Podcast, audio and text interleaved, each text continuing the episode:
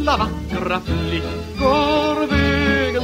Och var kommer alla fula lea kärringar ifrån? Hallå Ann! Välkommen till söndagsskolan. Ja men tack ska du ha. Vad vore den utan dig? Ja, alltså Blott. utan det. Ja precis, Nej, det är vi som är söndagsskolan. Det skulle vara halvt. Ja. Ja, Nu är vi här igen. nu är vi här. Vi sparkar igång. Mm. Vad är veckans irritationsmoment, Ann Heberlein? Jo, det handlar om kollektivtrafik. Mm.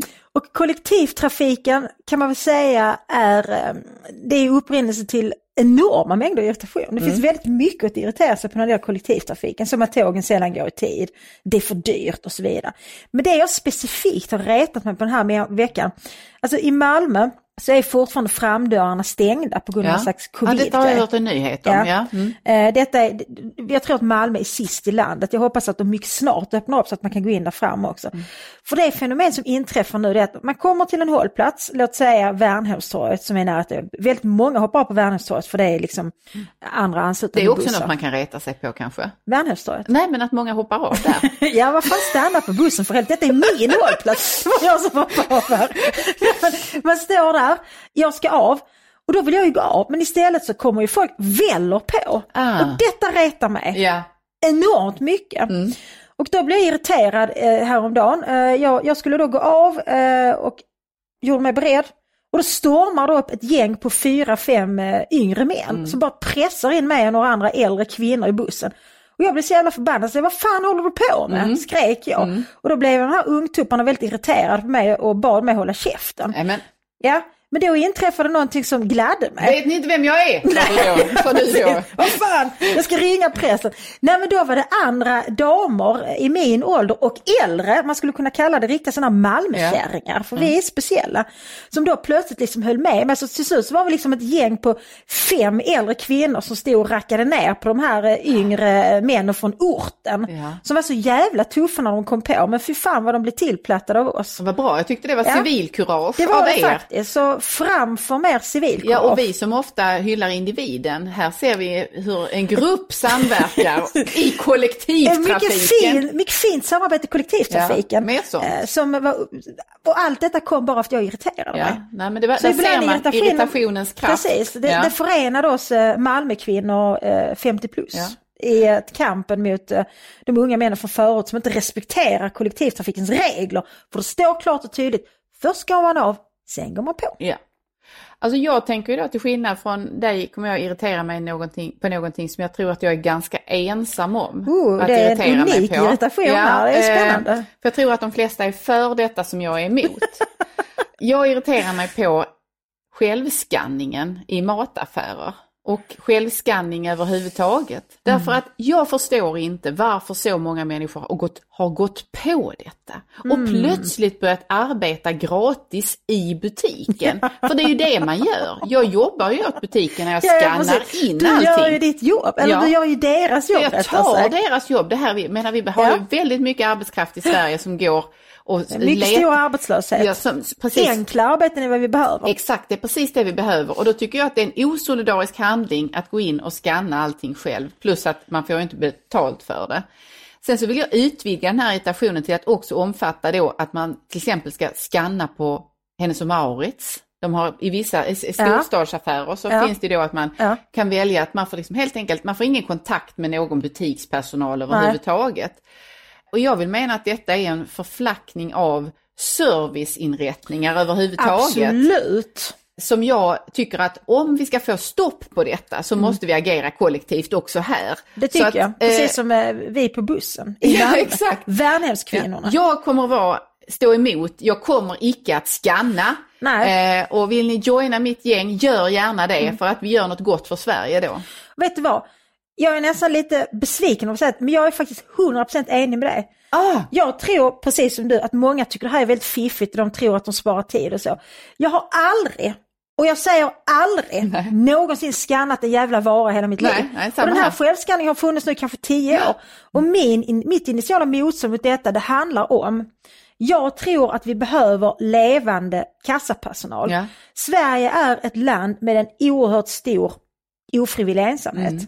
För ganska många människor i, i det här landet så är kontakten med kassörskan Ja, på ICA. enkla utbytet av Ja, det är artighetsfraser. den, den enda människan de pratar med Ja. Mm. på hela dagen. Ska vi ta detta ifrån oss? Så därför som liksom någon slags någon slags civil olydnad, hur lång kön är än det. Jag ställer mig alltid i kön till kassan. Mm. Ja, nej, jag tycker också det är mycket Ja. viktigt för att om man inte gör det så kommer de att skära ner ytterligare på detta. Precis, till Ja. slut kommer vi inte ha någon kassapersonal alls. Nej. Och det är dåligt för de som behöver den här kontakten. Jag tycker också det är trevligt att småprata Ja. med, med den kassörskan på ICA som jag träffar nästan varje dag eftersom jag är dålig på att planera min matlagning. Nej men också, jag tycker om att bli betjänad i Ja, det är affären. också Det, finns trevligt. något fint i detta. Och, eh, så att här, här måste vi med gemensamma krafter Ja. agera. Civil konsumentvakt. Jag har slutat handla på McDonalds sen de inför det här vidriga systemet att man ska knappa in i någon jävla apparat. Ja. När man kommer in så ska man trycka där vad man vill ha och sen får man ett kvitto och så ska man stå där och vänta på att komma upp ett nummer. Ja, det var faktiskt en... Aldrig med McDonalds, bara Burger King som gäller nu kan jag Ja, säga. nej men och det är samma i, eh, var faktiskt en bra ledartext i GP här i somras Mm. apropå att restauranger börjar med appar vid vilka du genom Ja. vilka du beställer går. mat till bordet. Ja. Då, det är ju, då tappar du en väldigt viktig del av detta att faktiskt gå på en restaurang, bli betjänad som jag Precis. sa innan och få någonting liksom, få en mänsklig kontakt och se att någon gör någonting för dig som Ja. du betalar för. Ja, bort med apparna, bort med självskanning. Eh, gå med i vår klubb. Ja. Och eh, ni kan börja med att följa oss på Söndagsskolan på Facebook eller på Instagram där vi lägger upp roliga saker ibland. Vi ska bli bättre på det. Ja, vi måste eh, jobba på den biten. eh, häng, häng med oss Annars där. kan vi göra någon slags självskanning. så ni kan lägga upp era egna bilder. Nu snarkar han när det inte kluckar. Eh, dagens ämne, Ann, Ja. eh, det rör sig om arbetslivet. Det kan man säga, ett specifikt fenomen eh, som jag tror är ganska unikt för Sverige också faktiskt. Det handlar om att fika på jobbet. Det sociala spelet där Ja. och de här pauserna som är, kan vara väldigt eh, både trevliga men de kan också stjäla tid från en. Ja, så är det. Alltså jag jobbade för många år sedan på ett kansli där när jag blev introducerad för liksom rutinerna, sättet Mm. att vara, när jag fick visat mitt rum och allt sånt där. Då var en lika viktig sak som att jag skulle vis- veta var jag skulle sitta, det var också att jag skulle lära mig känna igen fikabjällran, fli, fikaklockan. Fikabjällran. Ja. Ni vet, du vet förr hade man sån här vällingklocka på Ja, och gårdar man, och också så. när man skulle kalla in korna hade man en klocka. Ja. Eh, Men här kallades vi kanslipersonal med, på med klocka. Kossorna på kansliet, de går lydigt iväg till fikarummet. Ja, och då skulle vi sitta en gång på förmiddagen och en gång på eftermiddagen och sen hade vi lunch. Två fikor ja, per dag. Precis. När Det- jobbade ni? Eh, det var lite det som blev problemet då. Jag kan tro det. Eh, men, men till saken hör att den här vänliga damen som berättade detta för mig, hon sa också att det var väldigt viktigt att jag förstod att det var ju frivilligt det här. Ja, ja, Men ja. det tog ju inte många dagar innan jag förstod att det där med frivillighet, det var ju, ja om du är beredd att framstå som asocial, apart och allmänt liksom jobbig, Otrevlig. ja, då, kom, då, Ja. då kan du sitta kvar och jobba. Vill du bli inkluderad, då kommer du. så så jävla sitter frivilligt var det inte. Nej, nej. Eh, Jag tyckte det var sådär kan jag säga. Ja. Hur, hur ställer du dig till eh, fikakulturen på jobbet? Ja, alltså jag tycker vi har en ganska trevlig fika. Nu måste jag säga så här att många av mina kollegor lyssnar på det här. Ja, Så jag kanske kommer att censurera mig lite. ja, ja. ja. Det kommer Men jag inte göra. Nej men alltså som jag jobbar nu, vi har inga organiserade fika överhuvudtaget. Däremot kan jag säga att kaffe är en mycket väsentlig del. Jag jobbar som eh, kanslichef för Moderaterna Region Skåne och jag har ett stort samarbete med Alliansen och deras tjänstemannastab. Vi dricker väldigt mycket kaffe. Men vi dricker ofta kaffe medan vi gör saker. On the fly så att säga. Ja, så att fika, fikastunderna där, för att, låt säga att vi har regionledning, då samlas liksom alla politiker i styret och deras tjänstemän. Och så dryftar vi olika saker och tar in opolitiska tjänstemän som gör lite dragna med allt möjligt. Och sen har vi en, en liten fika där vi då minglar runt och dricker kaffe och på de fikastunderna så löses väldigt mycket. Därför vi pratar väldigt sällan om privata saker utan vi pratar om det som har dryftats. Hur ska vi lösa detta? Så en kvart, 20 minuters fika kan lösa upp väldigt många knutar som hade tagit väldigt mycket längre tid att lösa om vi skulle göra det i en organiserade Ja, styrelsemötesform just så att säga. Så går vi tillbaks efter kaffepausen. Alla är glada för att de har fått lite koffein i kroppen och man har skojat lite, lite. skämtat lite och så kan man lösa saker. Men däremot den här liksom, för jag har ju också jobbat i universitetsvärlden som du och det, detta här är ju en scen från liksom någon slags universitetsvärld. Mm, Eh, Jag var på teologen i många år och där hade vi också fasta fikatider. Klockan 10 på förmiddagen, Mm. då skulle man gå och fika.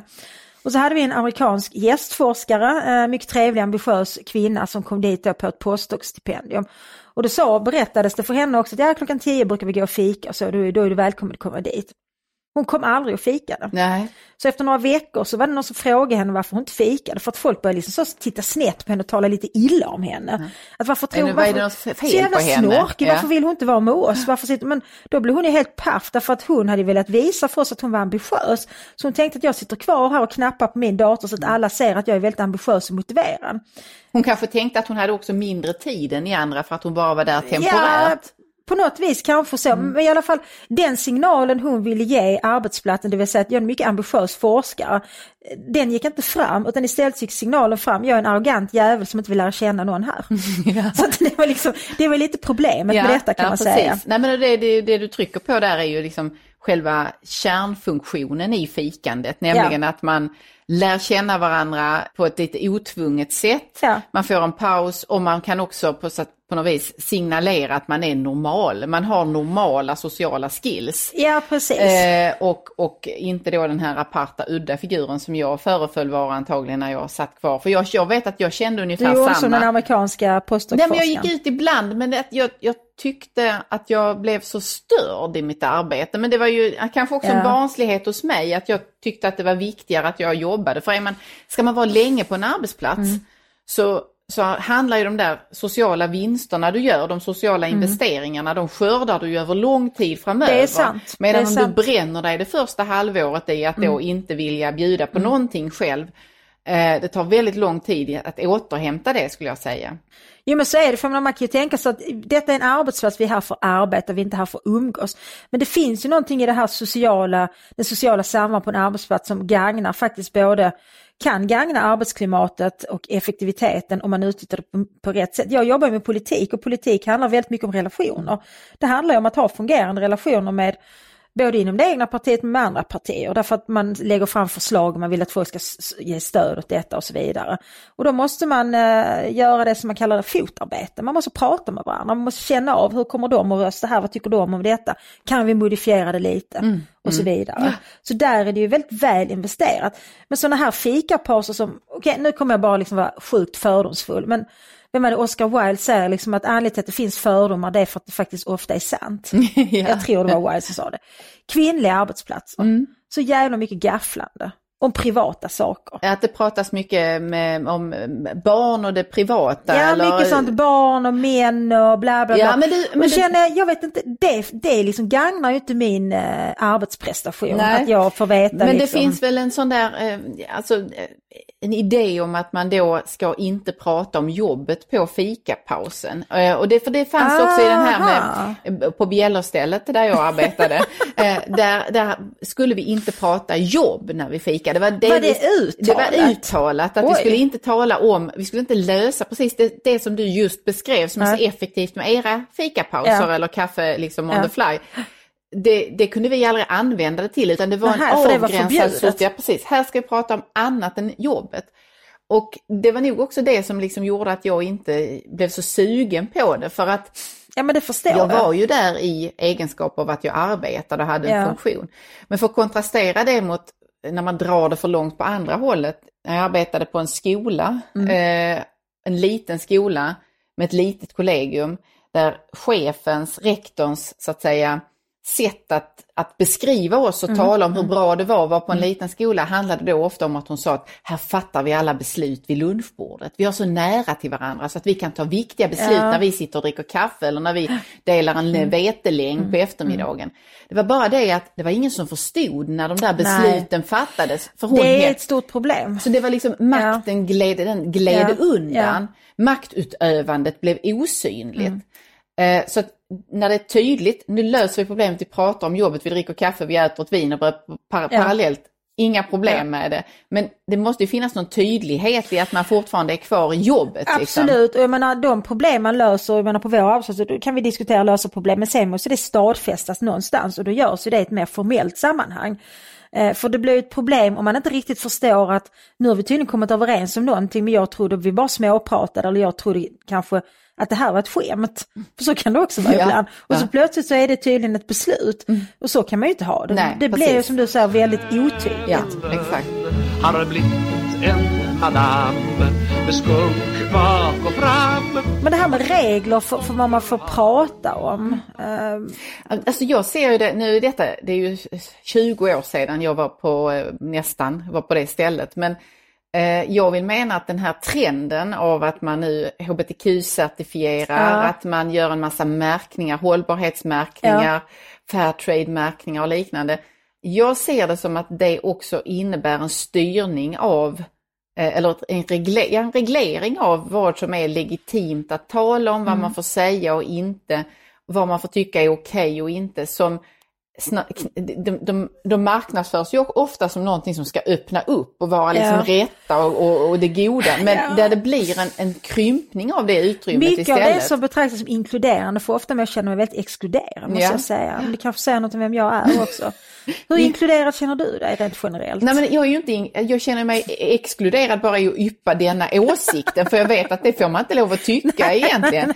Eh, för genast kan jag misstänkliggöra som att vadå, då betyder, tycker du inte att, att eh, homosexuella eller bisexuella har samma rätt att vistas på arbetsplatsen och berätta om sina partners Ja. som du har som lever i en heterosexuell Ja. relation. Och det är ju självklart att jag inte hyser någon sådan konstig uppfattning. Nej. Men bara genom att jag reser kritik kring då en utbildningsinsats så Ja. kan man fästa den här typen av märkliga, Ja. eh, ja, lätt homofoba uppfattningar och konservativa Jo, det, det, uppfattningar. känner, det känner jag igen. Eh, och det är ju också ett problem, för det blir ju verkligen inte inkluderande utan då blir det exkluderande för då blir det liksom en, ett ramverk, det blir en begränsning av vad man kan eh, tänkas tycka och prata om.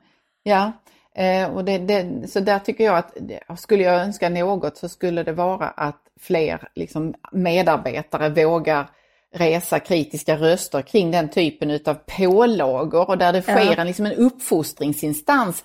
eh, Ja, det är ju det det handlar om, det är via- den här moraliska fostran som är så som är så populär i det svenska sammanhanget. Att berätta för folk hur de ska bete sig. Ja. Men, ja. men det gör ju vi också. Vi tycker ju också om att berätta för folk hur de ska bete Ja, sig. fast Men... skillnaden är att vi har rätt. Jo, jag vet, jag vet. Jo. Det vet ju våra lyssnare också. Men eh, om vi ska gå in lite mer på vad som är rätt och fel i det sociala livet på, på, på arbetsplatsen. jobbet.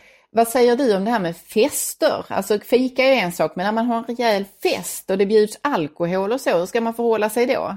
Jag tror så här, vi har en gemensam vän som heter Mustafa Panshiri.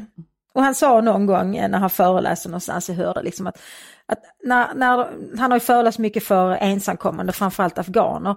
Och då var det någon som hade frågat, liksom, men hur lär man känna svenska egentligen? Och då hade han sagt så att Nej, men man måste bli full tillsammans. Ja, ja. Och jag, jag tror att han, jag tyckte det var ganska roligt när han sa det, för när han sa det, jag har inte tänkt på det, men jag tror faktiskt han har rätt. Alltså, det där att supa tillsammans och bli fulla och göra bort sig lite, det skapar någon slags gemensamma minnen som blir ett shit också i, i olika typer av relationer. När man kan hö skratta lite, Åh, kommer du ihåg då när, när eh, Bengan var så full så han eh, pissade i blomkrukan? förstår liksom. Ja. Och vi har ju också, i Sverige har vi en väldigt förlåtande inställning till vad folk gör på fyllan. Ja. Alltså allting blir förlåtet om du kan hävda att du var full. Eh, och då kan det ju vara ett sätt liksom att komma lite närmare varandra i arbetslaget. Men det kan ju också vara destruktivt för det kan ju också vara så att man vill ju man vill framförallt inte se sin chef göra bort Nej, sig. Alltså, precis. jag tror man ska, om man, om man vill vara en auktoritet på sin arbetsplats så ska man undvika att som Bengan pissa i blomkrukan. Ja, ja. Oavsett hur full man är. Precis. Däremot ska man klara av att hantera den här nerpissade blomkrukan på måndagen och Bengt. Men eh. För jag brukar tänka så här eh, på några chefer jag hade där på ett ställe där det var saftiga fester årligen. Ja. Och det bjöds på alkohol och det var dans och det var liksom, det var också så händer, Gud, som, rörde, händer som rörde vid andra Händer kroppar. som rörde sig överallt Ja, kanske. precis. Ja, det var, var det eh, pre-me too? i- Nej, men det här var, jag måste säga att det var inte så väldigt mycket metoo över detta Nej, ändå. men Däremot Det så var ömsesidiga händer. Ja. Ja. Men Kan det vara? cheferna då hade som strategi att de gick ofta sådär vid nio, halv tio snåret. Det vill säga innan den här urartningen Ja. eventuellt skedde. Ja. Och jag tog, det tog ett tag innan jag fattade att det där var en medveten strategi. Mm. För att då kunde de ju, om det blev efterspel, Ja. så kunde de hantera det som chefer och de var inte så att säga ögonvittne till det Nej. och de behövde inte vara dömande i ögonblicket nej. heller och säga att hör du, Sten, ska du verkligen ta och öppna den där flaskan också? Sten ska verkligen öppna gylfen. ja, jag tänkte pissa i blomkrukan bredvid bänk. ja, men... Nej, men och, och, och, den chef som går i tid riskerar, alltså, riskerar ju inte att göra bort sig själv heller. Nej, och det är ju väldigt och det, klokt. det tycker jag att man som chef ska verkligen vakta sig där. Och man, ska inte Ja. vara, man ska vakta sig för att vara för moraliserande under festens gång, men man ska vara i skick att döma det dagen efter så att men säga. jag tror också att man som chef måste inse att det är svårt för de andra att släppa loss och ha roligt så länge chefen är Ja. där. Så att, som en god chef ska ju hedra det hela med sin närvaro och säga några välvalda trevliga ord och kanske tacka för gott samarbete. Och sen ska chefen ursäkta sig och gå hem. Och då kan alla bli jävligt fulla och händer kan röra sig här och där och blomkrukor kan vätas ner och så vidare. Och så är alla nöjda. Precis. Ja. Men, men för jag tänker att det där gränsöverträdelsen eller av att man så att säga blir för privat på jobbet, det kan ju lika gärna utspela sig en vanlig dag då det till exempel är väldigt varmt. Jag tänker på en gång när jag gick, eh, skulle gå in till en kollega och fråga om någon, det var också när jag jobbade på ett kansli, dock inte samma med bjällran, men där en äldre herre, han var liksom nestor på det här stället, Ja. väldigt kunnig, väldigt respekterad. Ja. Denna dagen var det väldigt varmt och han sitter då i bara ett par ganska små shorts. Oj. Och har alltså ingenting på överkroppen. Va? Han har ingenting helt alls. Ja, ja. Och ehm, det chockade mig ganska så rejält. Jag, jag ser nu när du pratar om det att du är berörd. Ja, men jag har nog inte riktigt hämtat mig för att jag visste inte riktigt hur jag skulle hantera det. För Nej, det var också gud. så att han var, en, en, han var väsentligt äldre än jag. Va? Så Ja. att det fanns inte på kartan att jag skulle kunna eh, göra ett utrop, nej men oj, här sitter du Nej. utan några kläder. Utan du fick bara låtsas som att den, den, du fick låtsas som det regnade helt Ja, enkelt. men- att men du inte jag- såg detta. Ja, men precis, men det jag tänker är liksom en viktig sak att vakta är att å ena sidan att kunna vara privat, att kunna bjuda på sig själv, Ja. men att, att också hålla uppe garden i att alltså det, Ja. det, det finns väldigt, det finns saker att vakta på här och där man då kan, ehm, det den här äldre herren gjorde var helt enkelt inte okej. Nej, det var inte okej. Man ska bjuda på sig själv i lagom mängd. Ja. Man ska inte bjuda på så mycket hud på Nej. arbetsplatsen, Nej. så mycket nakenhet. Och det är också ett litet problem när man har sån här, liksom, vad man nu kallar det, man ska bonda på olika sätt och åka iväg på, vad, vad heter det, teambuilding? Ja. Kick-offer har ju ofta element av och så. detta. Och då kan det ofta finnas inslag av kanske pooler och bastu och Mm. sånt. Och det där tycker jag är lite awkward. Jag är inte helt bekväm med att, att vara för avklädd med mina kollegor. Nej, nej, precis. Jag tycker det är lite obehagligt Mm, måste jag säga. Nej, och det där jag också kan tycka att eh, man ska inte tramsifiera jobbrelationerna för mycket heller. För, för klassisk fest är en sak, men jag har väldigt svårt för det här när det ska lekas och eh, så att säga trams. Alltså, ibland kan det vara rollspel eller det kan vara att man ska testa på någonting galet då för att man tror att man så att säga Man kanske får köra sanning eller konka. Nej, men jag tror att man ska ta det väldigt isigt. Alltså en, en flott middag. middag. En flott middag, Ja. det, Det kommer man alltid... mycket längre med hos mig än att man säger Ja. att vi ska köra go-kart till exempel. För en, av, en av mina kollegor håller på att planera ett AV nu och jag tycker faktiskt att de har hittat något väldigt trevligt. Vi ska tura mellan Helsingborg och Helsingör. Alltså vad kan gå fel då? Det är ju, det Ja, någon kan ramla i vattnet. men, men det är ju trevligt. Ja, det är det Alltså, verkligen. Det är en klassiskt, institution liksom. Ja men det är det också. faktiskt. Mm. En räkmacka där och så, ja men sen är man hemma liksom. Jag hoppar över ölen för jag tycker inte kvinnor dricker öl. Nej, Dricker du öl? eh, ja det kan, Gör alltså, jag, det? jag, det kan hända att jag gör det. Jag, När det är väldigt varmt eller? Exakt. Men inte på Eh, jobb? Eller ibland om jag är, eh, om jag är på semester och jag är trött mitt på dagen, Ja. eh, då kan jag ta en öl istället för då blir jag både mätt och pigg. Det två jättebra saker. Lätt och pigg. Det är ganska få kalorier ändå. Ja, Där är vi också inne på en sak som är jävligt jobbigt med fikat. Ja. Ibland har jag varit på arbetsplatser och det har varit någon som har varit jätteduktig på att baka. Och det är ju sjukt trevligt med folk som kan baka kakor. Men då blir det någon, särskilt om det är många kvinnor, så blir det någon intern kamp. Vem bakar de bästa kakorna? Och då ska det vara kakor varje dag.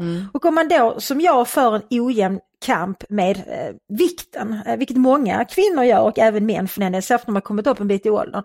Så är det väldigt känsligt att inte vilja smaka av de där liksom eh, hemmabakade kanelbullarna eller väldigt liksom arbetade syltkakorna eller vad det nu kan vara. Men jag tycker det är, alltså jag förstår att man gör det för att vara trevlig och ibland kanske för att lite skryta.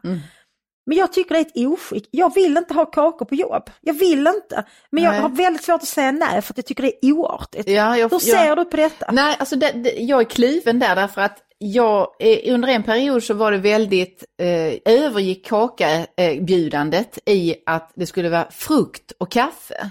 Det och jag tråkigt. tycker ju frukt och kaffe, det går, hur ska jag kunna, det blir inte gott. Banan blir, kanske, banan är den enda frukt som passar med kaffe. eh, faktiskt- men alltså att äta ett äpple och dricka en kopp kaffe, då, det, mår man ju bara dåligt Ja, av. alltså det skär sig både i munnen och magen. Ja. Alltså banan är det enda som funkar och de går ju åt först. Ja, men jag skulle vilja göra, slå ett slag för att man kan ha, eh, möjligen ha fika, men att man ska hålla sig från de här excesserna av att det är väldigt stora bakverk. Alltså Ja. det, man kan ha små grejer så man får något litet sött om man vill. Och då kan, då, En liten biscotti. Ja, men alltså det, förstår du vad jag menar? Ja men det håller jag med om Mm. och jag kan tycka nu, nu har vi precis eh, kört en budgetprocess på mitt jobb och det har varit ganska långa eh, dagar kan jag säga. Och då är det väldigt trevligt att till tre kaffet få en liten liten kaka för då kan man behöva en liten sockerkick. Det är inte alls samma sak att äta ett plommon. Nej. Nej. Överhuvudtaget. Men man ska akta sig för den där lilla sockerkicken varje dag. Ja, ja För precis. då blir det inte riktigt lika Nej. samma effekt. Av midjan så smal Så att royal Men, alltså vi har ju rört oss nu i, i eh, där vi har refererat till arbeten, pauser där jobbet är ganska så kontorsbaserat. Eh, Och, och då innebär pausen att det är ju liksom, det är inte för att du är trött, trött Fysiskt, i fysiskt, Nej. nej. precis. Alltså väldigt många människor arbetar ju med yrken där pausen är en tvingande Det nödvändighet. är fysisk, möjlighet till fysisk vila Ja. som man faktiskt behöver. Eh, och, och vi kan raljera över att vi vill slippa pausen och Ja. så i våra jobb. Men alltså, jag har full respekt för att pausens nödvändighet för den som gör, går pass som undersköterska eller som jobbar på ett vägarbete Ja, eller är på absolut. ett band eller vad Ja, någonting annat. Och det, det, det, på något sätt så illustrerar det ju ytterligheterna också Ja, i vad, vad vi kan liksom tillåta oss att klaga på och ägna oss åt Ja. kontra det här andra när det är 12 Men det är minuter. Både du och jag kan ju ta pauserna vi vill egentligen. Mm. För jag menar vi kan ju lätt lämna det dokument vi sitter och skriver på och istället surfa på nätet och leta efter ett par perfekta guldpumps där. eller något. Mm. Eller beställa, ja, som jag ofta gör, verklighetsflykt för mig det är väldigt mycket att titta på resor och fundera över vad jag ska resa. Så det var ju ett helvete under pandemin, jag kunde inte resa någonstans. Mm. Och för övrigt tycker jag att pandemin också liksom åskådliggjorde att de här fikapauserna är ganska viktiga. Mm. För jag tyckte att jag tycker att samarbetet fungerar bättre när man är tillsammans i samma rum Mm. och när man har de här små pauserna. De här virtuella fikapauserna var ju vidriga. Det är en charad. Det, det går ju inte. Nej. Det, det, det, funkar inte alls för mig. Jag, jag, jag, vi hade någon sån här eh, after work på Teams också. Det kändes väldigt krystat att jag satt där hemma med mitt vinglas. Ja. Alltså det, det, det funkar inte alls för mig. Men visst så är det ju, både du och jag har haft mer fysiskt krävande arbete när vi var yngre och där, där är ju pausen verkligen nödvändig. Mm, Och jag tänker också, jag och min, eh, en av mina tidigare män, eh, vi köpte en Skånelänga på Österlen som renoverades egentligen från grunden. För det var väldigt dåligt skick när vi köpte den så var liksom allt från golv till tak som skulle ordnas. Och så, så mycket vi kunde gjorde vi själva men en del kunde vi inte göra själva, badrummet, köket och så vidare. Så då hade vi ju hantverkare hos oss som var där varje dag i fyra månader. Mm. Och då liksom kokte jag kaffe och sa ni får gärna ta när ni vill. Men jag respekterade att de gick ut och satte sig i bilen. Ja, just det. Eh, så, De ville vara för sig själv I början nästan. så sa jag så, men ni får gärna sitta i köket. Men grejen var att jag jobbade ju hemma för att jag höll på att skriva min doktorsavhandling. Så jag var hemma mycket på dagarna. Och min dåvarande man som var präst, han var också hemma ganska mycket. Han satt och förberedde mycket hemma och så, för han jobbade ju helger och kvällar och så vidare. Och då förstod jag väl sen att de ville gå ut i bilen för att de ville slippa oss en stund. Ja, ja. Eh, Så det var inte det att de så gärna ville sitta vid köksbordet med mig när de hade paus, för då blev det ju ingen Nej, paus. och du var ju deras arbetsgivare. Ja, och det minns jag från när jag, jag jobbade som städerska när jag gick i gymnasiet och städade hemma hos folk. Detta var innan RUT, så det var någon slags svartjobb då som städerska och barnflicka jag hade. Och då hade jag särskilt en familj som jag städade hos där hon alltid skulle fika med mig. Och jag blev så stressad för att jag, jag kunde sitta där i, i 45 minuter, kanske en timme och fika med henne. Och jag fick inte betalt för den timmen men för Nej. mig var det helt värdelöst att sitta och prata med liksom en betydligt äldre kvinna där hon mest pratar om sig själv. Och jag var tvungen att sitta där och liksom kämpa i med hennes Men du fick kaffe. du betalt under den stunden? Nej, det fick jag ju inte. Nej. Utan jag fick ju betalt för själva städningen, men jag var rätt så effektiv. Ja. Så om inte hon hade tvingat mig fika en timme så hade jag kunnat städa hela hennes hus på kanske två och en halv timme. Ja, jag förstår. Men då, då drogs det ut. Och jag tror att hon gjorde det för att hon tyckte det var lite... Ja, En men hon fin tyckte gest. Att, ja, det var en fin gest. Hon ville visa mig att hon tyckte att, att jag var, var liksom lika, alltså hon inte tyckte att hon var bättre än jag. Och det där har jag sett hos en del vänner jag har som har svårt att hantera det här med att ha någon som kommer hem och städar, att de vill visa att jag är så jämställd. Men jag har förklarat liksom för just den här specifika väninnan, men du sinkar ju hennes arbete när du tvingar henne att sitta där, bara låt henne vara. Mm, mm. Så att, ja, vi kan förhålla oss olika till det här med Jo, fikapauser nej, jag faktiskt. tänker också att eh, i, man lyssnar man in hur hemtjänst och liknande, Ja. eh, alltså där det är så pressade tidsschema för de som är hemma hos äldre människor, där många är väldigt ensamma och jag, jag jag vet inte hur många berättelser jag har hört om där vårdtagaren då säger till hemtjänstpersonen som Mm. kommer, vårdgivaren, att strunta i att städa idag, kan vi inte bara sitta ner och prata en stund? Och den bilden är så drabbande tycker Ja. jag och där, Ja. där det är den mänskliga kontakten, Ja. utbytet man, man söker och att vi kanske då liksom i det glömmer bort att, att bara detta att, få, att prata med Ja. den, att vara den där mänskliga kontakten betyder någonting. Mm. Men där då naturligtvis på grund av att hemtjänstpersonalen är lågt värderad, har pressade Mm. tider, så det de minst av allt har tid med att ge är den där stunden med liksom en, en och det är schemalagd det som behövs fikapaus. mest av allt. Ja, Ja. precis. Men jag tänker så här att det kanske man också ska tänka på om man raljerar över de här fikapauserna på jobb. Att det där, alltså menar, om man lever, nu, nu har jag inga barn hemma längre, men jag har haft, liksom, levt i familj med tre barn och så vidare, varit en stor familj med mycket liv och rörelse. Och då har jag tyckt att det var en oas att komma till jobb och få stänga dörren till mitt rum. Men om man lever ensam med en katt eller inte ens en katt, då kan man ju tänka sig att, att det sociala umgänget på arbetet betyder mycket, mycket mer. Och det kanske man också ska ha en viss liksom, eh, insikt i eller man, man eh, precis har respekt för att det, nej, det, det är inte alla som har människor omkring sig hela tiden. Nej, men det, det eh, observerade jag under coronan också att det fanns medarbetare som uttryckligen bad om att få tillträde. Vi fick inte lov att vara på universitetet eh, under den här perioden, eh, men där medarbetare bad om eh, så att säga dispens Ja. från det här därför att det betydde så mycket för dem att bara lämna hemmet och gå in i att se att man hade en annan tillhörighet, Ja. det fanns ett sammanhang. Och det speglar väl den ensamhet som Mm. ändå förvånansvärt många i Sverige idag Mm. lever i. Det är ett utbrett problem. Jag läste någonstans att ofrivillig ensamhet påverkar din fysiska hälsa lika mycket som 20 cigaretter om dagen. Mm. Så det får alltså rent fysiska konsekvenser för en människa att leva i ofrivillig ensamhet. Eh, och det tycker jag är väldigt intressant information faktiskt. Och det säger ju någonting om hur mycket vi behöver andra människor. Ja, precis. Men det där tangerar du någonting annat med det här med rökpauser också. Just det. eh, kopplat till fikapauser, för faktiskt på samma ställe där vi hade bjällran. Hade ni också en Eh, rökbjällra? Vi ska alla röka. Nej men där fanns ett gäng som gick ut och, och eh, drog, tog ett blås då i Ja. anslutning till Ja. de här fikapauserna, vilket naturligtvis gjorde dem än längre än vad de var innan. Ja, ja, ja, men väldigt mycket pauser. jag minns så väl en, en fredag eftermiddag då alla började så här, samla ihop sig och det, liksom, klockan gick mot halv fem eller Ja, någonting drog, sånt där. drog, drog som ett helg helt enkelt. eh, var, var på en av damerna säger så här, nej nu, nu ska jag bara gå ut och ta en cigg och sen ska jag gå hem. och vi stämplade där. Och det är ju då, det, är ju ett sätt att, så att säga, förlänga Ja, arbetsdagen hon skulle ta en cigg innan hon på ut. arbetstid och sen stämplar hon ut. Det sista jag gör den här arbetsveckan det är att jag tar en cigg. Sen ska Sen, jag ta sen, mig... har jag, sen har jobbat klart. Ja. Sen, sen är det helg. Och jag tror att det förhållningssättet är det som också byggt upp liksom någon slags passiv aggressivitet mot rökare. Alltså det, Ja. det här är sabotörer. För att jag menar det är väl klart jag tycker att rökare ska få finnas och få röka Ja. och få ta den pausen de behöver för det. Men man kan inte så att säga addera rökpausen Nej. på pausen. Nej men det är väl samma, det är väl den liksom kritiken som har funnits kring det här med att be på arbetstid. Ja. Alltså visst man får be när man vill tycker jag, jag ber själv, jag behöver inte lämna min arbetsplats för att be för att jag har liksom inga ritualer när jag Nej, ber utan nej. det är en tyst inre process.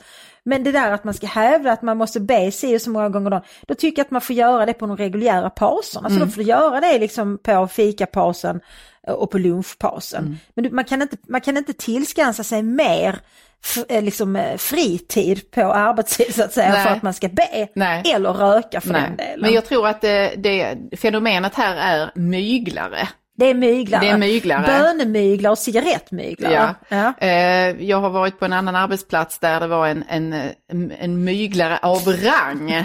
Han hade ett mycket eh, uttänkt system på hur han inte behövde lyfta så mycket som ett finger utan han såg alltid ut att gå runt och leta efter saker. Detta, eh, och, och var väldigt förvirrad och såg ut som att han hade Alltså han hade något jagat i blicken när han gick och sökte efter Ja, detta ja. som ingen riktigt visste vad det var.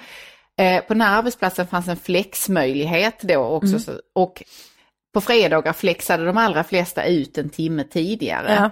Men då passade han alltid på att jobba över.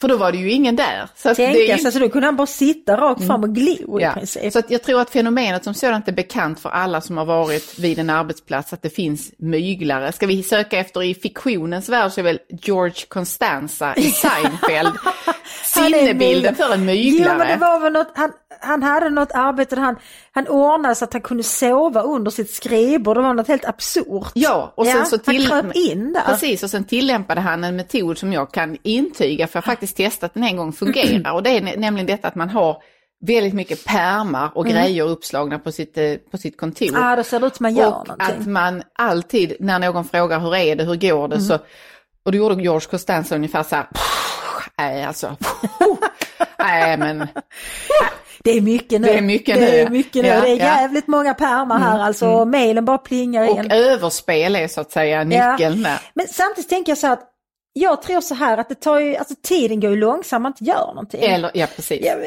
jag, jag jobbade i ett, ett stall eh, för många år sedan. Och det hade lite arbetsledande funktion där.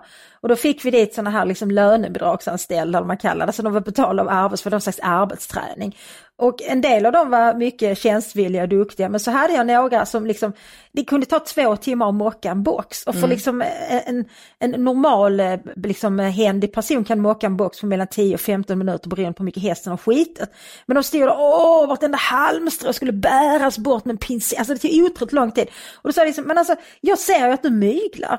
Men den här dagen kommer ju aldrig ta slut när du ska mygla dig igenom dagen. Se till att arbeta istället så kommer tiden att gå så fort så får du gå hem. Ja. Och jag tror faktiskt att det ligger någonting i det. Jag tror att att det där som du beskriver den här mannen som gick omkring med något jagat i blicken.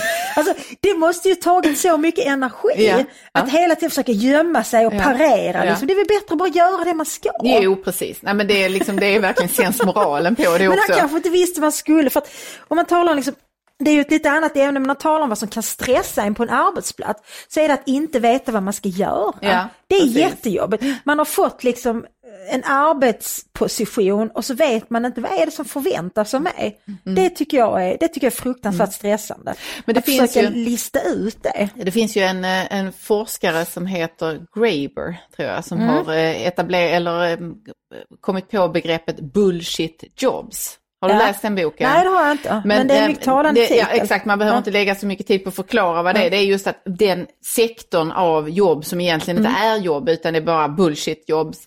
Eh, den menar han då expanderar kraftigt.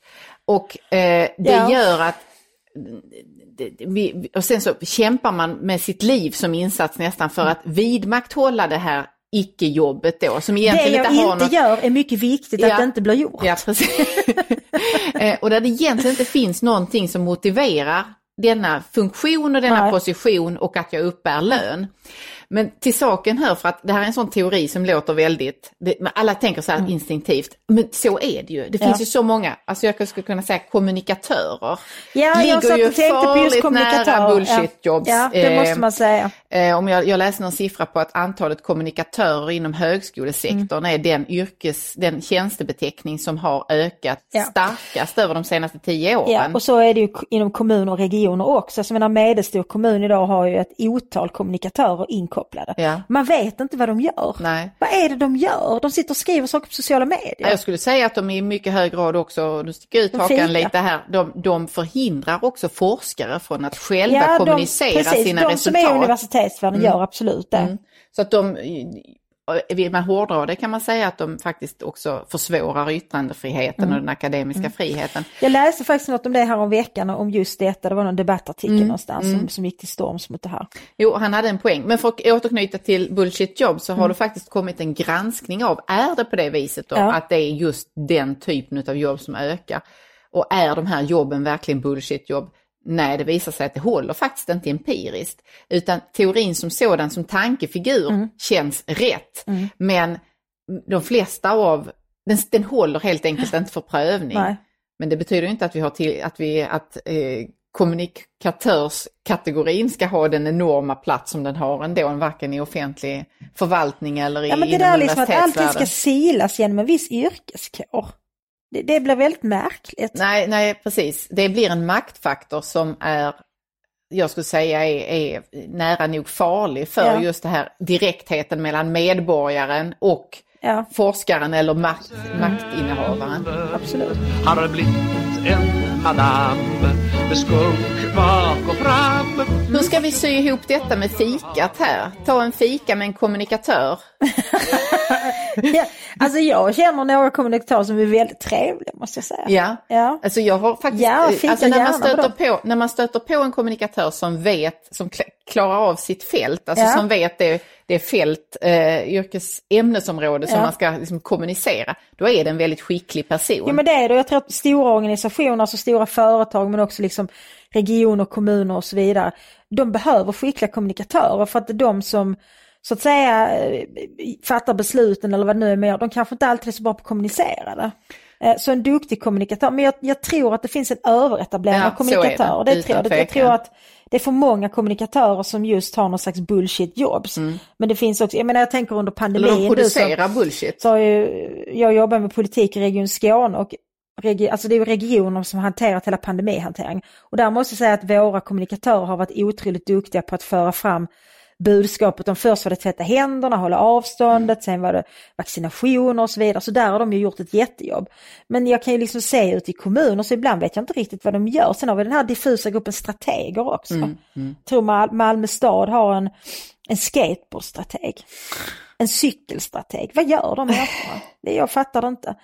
Men eh, när det Nej. gäller fikat, Några avslutande råd där kanske? Ja, Ska vi kosta på oss det? Alltså jag tror så här, var välvillig, eh, var trevlig, bjud lite på dig själv. Du kanske inte behöver berätta allt för mycket om, jag vet inte, ditt sexliv eller vad det nu kan vara. Nej. För man kan också genera människor, man är liksom för privat. Ja det kan man. Jag tror att man ska satsa på att försöka tala om man kan tala om kulturella upplevelser, filmer man har sett, Ja. program man har sett på tv eller någon intressant podd som till exempel Söndagsskolan som man man just har börjat följa.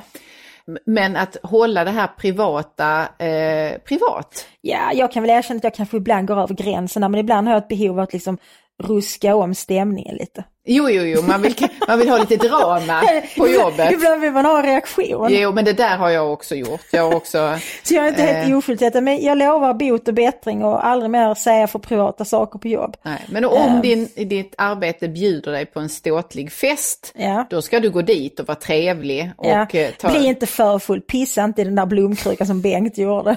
håll händerna i styr också. Ja, alltså om du ska ha händerna på någon annans kropp så var säker på att den där kroppen gillar dina händer. Ja.